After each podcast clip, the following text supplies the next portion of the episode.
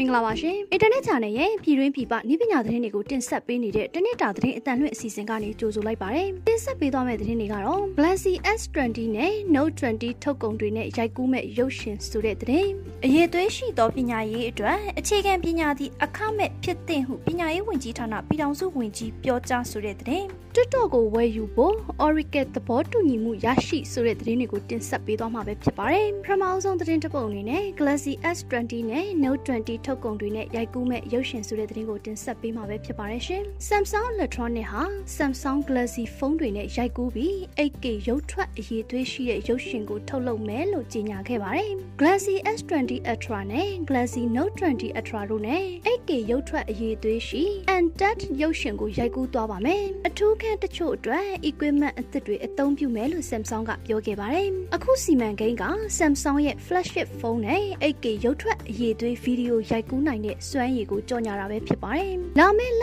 အတွင်း Samsung ဟာ QLED 8K TV မှာရုပ်ရှင်ပြသဖို့စိုးမျိုးမှာ 8K ရုံနှစ်ခုကိုဖွင့်ပါမယ်။လူအနည်းငယ်ပဲရုပ်ရှင်ပြသဖို့ကြိုတင်နေရာယူစနစ်ပြုလုပ်ထားပါတယ်။ MTED ရုပ်ရှင်ကိုတော့ YouTube ကနေထုတ်လွှင့်ပါမယ်။ဆက်လက်ပြီးအရေးသွေးရှိသောပညာရေးအတွက်အခြေခံပညာသည့်အခမဲ့ဖြစ်တဲ့ဟုပညာရေးဝန်ကြီးဌာနပြည်ထောင်စုဝန်ကြီးပြောကြားတယ်ဆိုတဲ့သတင်းကိုတင်ဆက်ပေးသွားမှာပဲဖြစ်ပါတယ်။အရေးသွေးရှိသောပညာရေးအတွက်အခြေခံပညာသည့်အခမဲ့ဖြစ်တဲ့ဟုပညာရေးဝန်ကြီးဌာနပြည်ထောင်စုဝန်ကြီးဒေါက်တာမျိုးသိန်းကြီးကလူစွမ်းအားရင်းမြစ်ဖွံ့ဖြိုးတိုးတက်ရေးဆိုင်ရာအာဆီယံဝန်ကြီးများအစည်းအဝေးညီလာခံမှာပြောကြားခဲ့ပါတယ်။အရေးသွေးရှိသောပညာရေးအတွက်အခြေခံသည့်အခမဲ့ဖြစ်တဲ့ပါကြောင့်မူလာတန်းပြီးမြောက်သောကလေးတိုင်းရေးတက်ဖတ်တက်တွတ်တက်ရမှာဖြစ်ပြီးတော့အလဲတန်းအထက်တန်းပညာရေးအဆင့်တို့ဖြစ်စေအဆင့်တူနီးပညာနဲ့တမွေးပညာရေးနဲ့လေ့ကျင့်ရေးသင်တန်းကျောင်းများတို့ဖြစ်စေကိုပြောင်းတက်ရောက်နိုင်စေရမှာဖြစ်ကြောင်းလူတိုင်းသည်လုပ်ငန်းခွင်မဝင်မီသက်ဆိုင်ရာနီးပညာနဲ့တမွေးစွမ်းရည်များရရှိအောင်သင်ယူလေ့ကျင့်ပြီးဖြစ်ရမှာဖြစ်ကြောင်း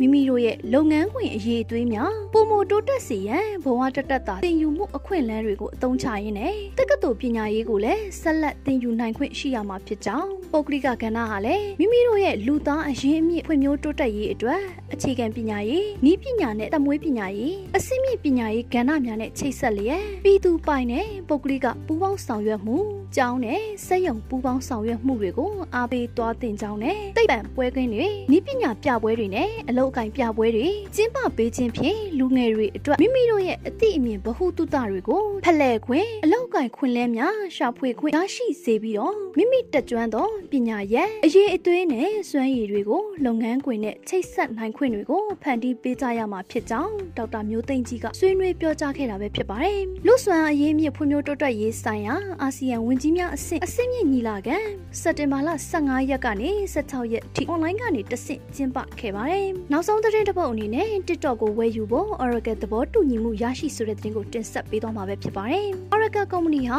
TikTok ကိုဝယ်ယူဖို့ပိုင်ရှင် ByteDance နဲ့သဘောတူညီမှုရရှိထားတယ်လို့အတည်ပြုခဲ့ပါတယ်။ Trump အစိုးရဟာ American က TikTok လုပ်ငန်းကိုရောင်းချဖို့ညွှန်ကြားထားပြီးတော့ရက်သတ္တပတ်အတော်ကြာမှသဘောတူညီချက်တစ်ခုရရှိခဲ့ပါတယ်။အဲဒီသဘောတူညီချက်ကို American အစိုးရထောက်ခံပေးဖို့လိုအပ်နေပါသေးတယ်။ဒီပိတ်ရက်အတွင်း ByteDance ကဘန်နာဌာနစီတင်သွင်းထားတဲ့အဆိုပြုချက်တစ်စိတ်တစ်ပိုင်းဝင်ကြီး Steven Mnuchin ထုတ်ပြန်ချက်ကို Oracle ကအတည်ပြုပါတယ်။အဆိုပြုချက်အရ Oracle ကယုံကြည်ရတဲ့နည်းပညာထောက်ပံ့သူအဖြစ်တာဝန်ထမ်းဆောင်သွားပါမယ်လို့ Oracle ကထုတ်ပြန်ခဲ့ပါတယ်။ American အစိုးရအနေနဲ့ဒီတစ်ပတ်အတွင်းသဘောတူညီချက်ကိုပြန်လည်သုံးသပ်ဖို့စီစဉ်ထားတယ်လို့ Mnuchin ကပြောခဲ့ပါတယ်။ American ရဲ့တကူရီအချက်လက်တွေတရုတ်အစိုးရနဲ့ဝေမျှမှုအပေါ်စိုးရိမ်ကြောင်းကိုကပြောကြားပြီးတော့ ByteDance အနေနဲ့ American မှာ TikTok ကိုရောင်းချမဲ့အစီအစဉ်ကိုသတ်မှတ်ချက်စက်တင်ဘာလ20ရက်မှာကြေညာဖို့ဒါမှမဟုတ်စက်တင်ဘာလ29ရက်မှာပိတ်ပင်ခံရမယ်လို့အိမ်ဖြူတော်က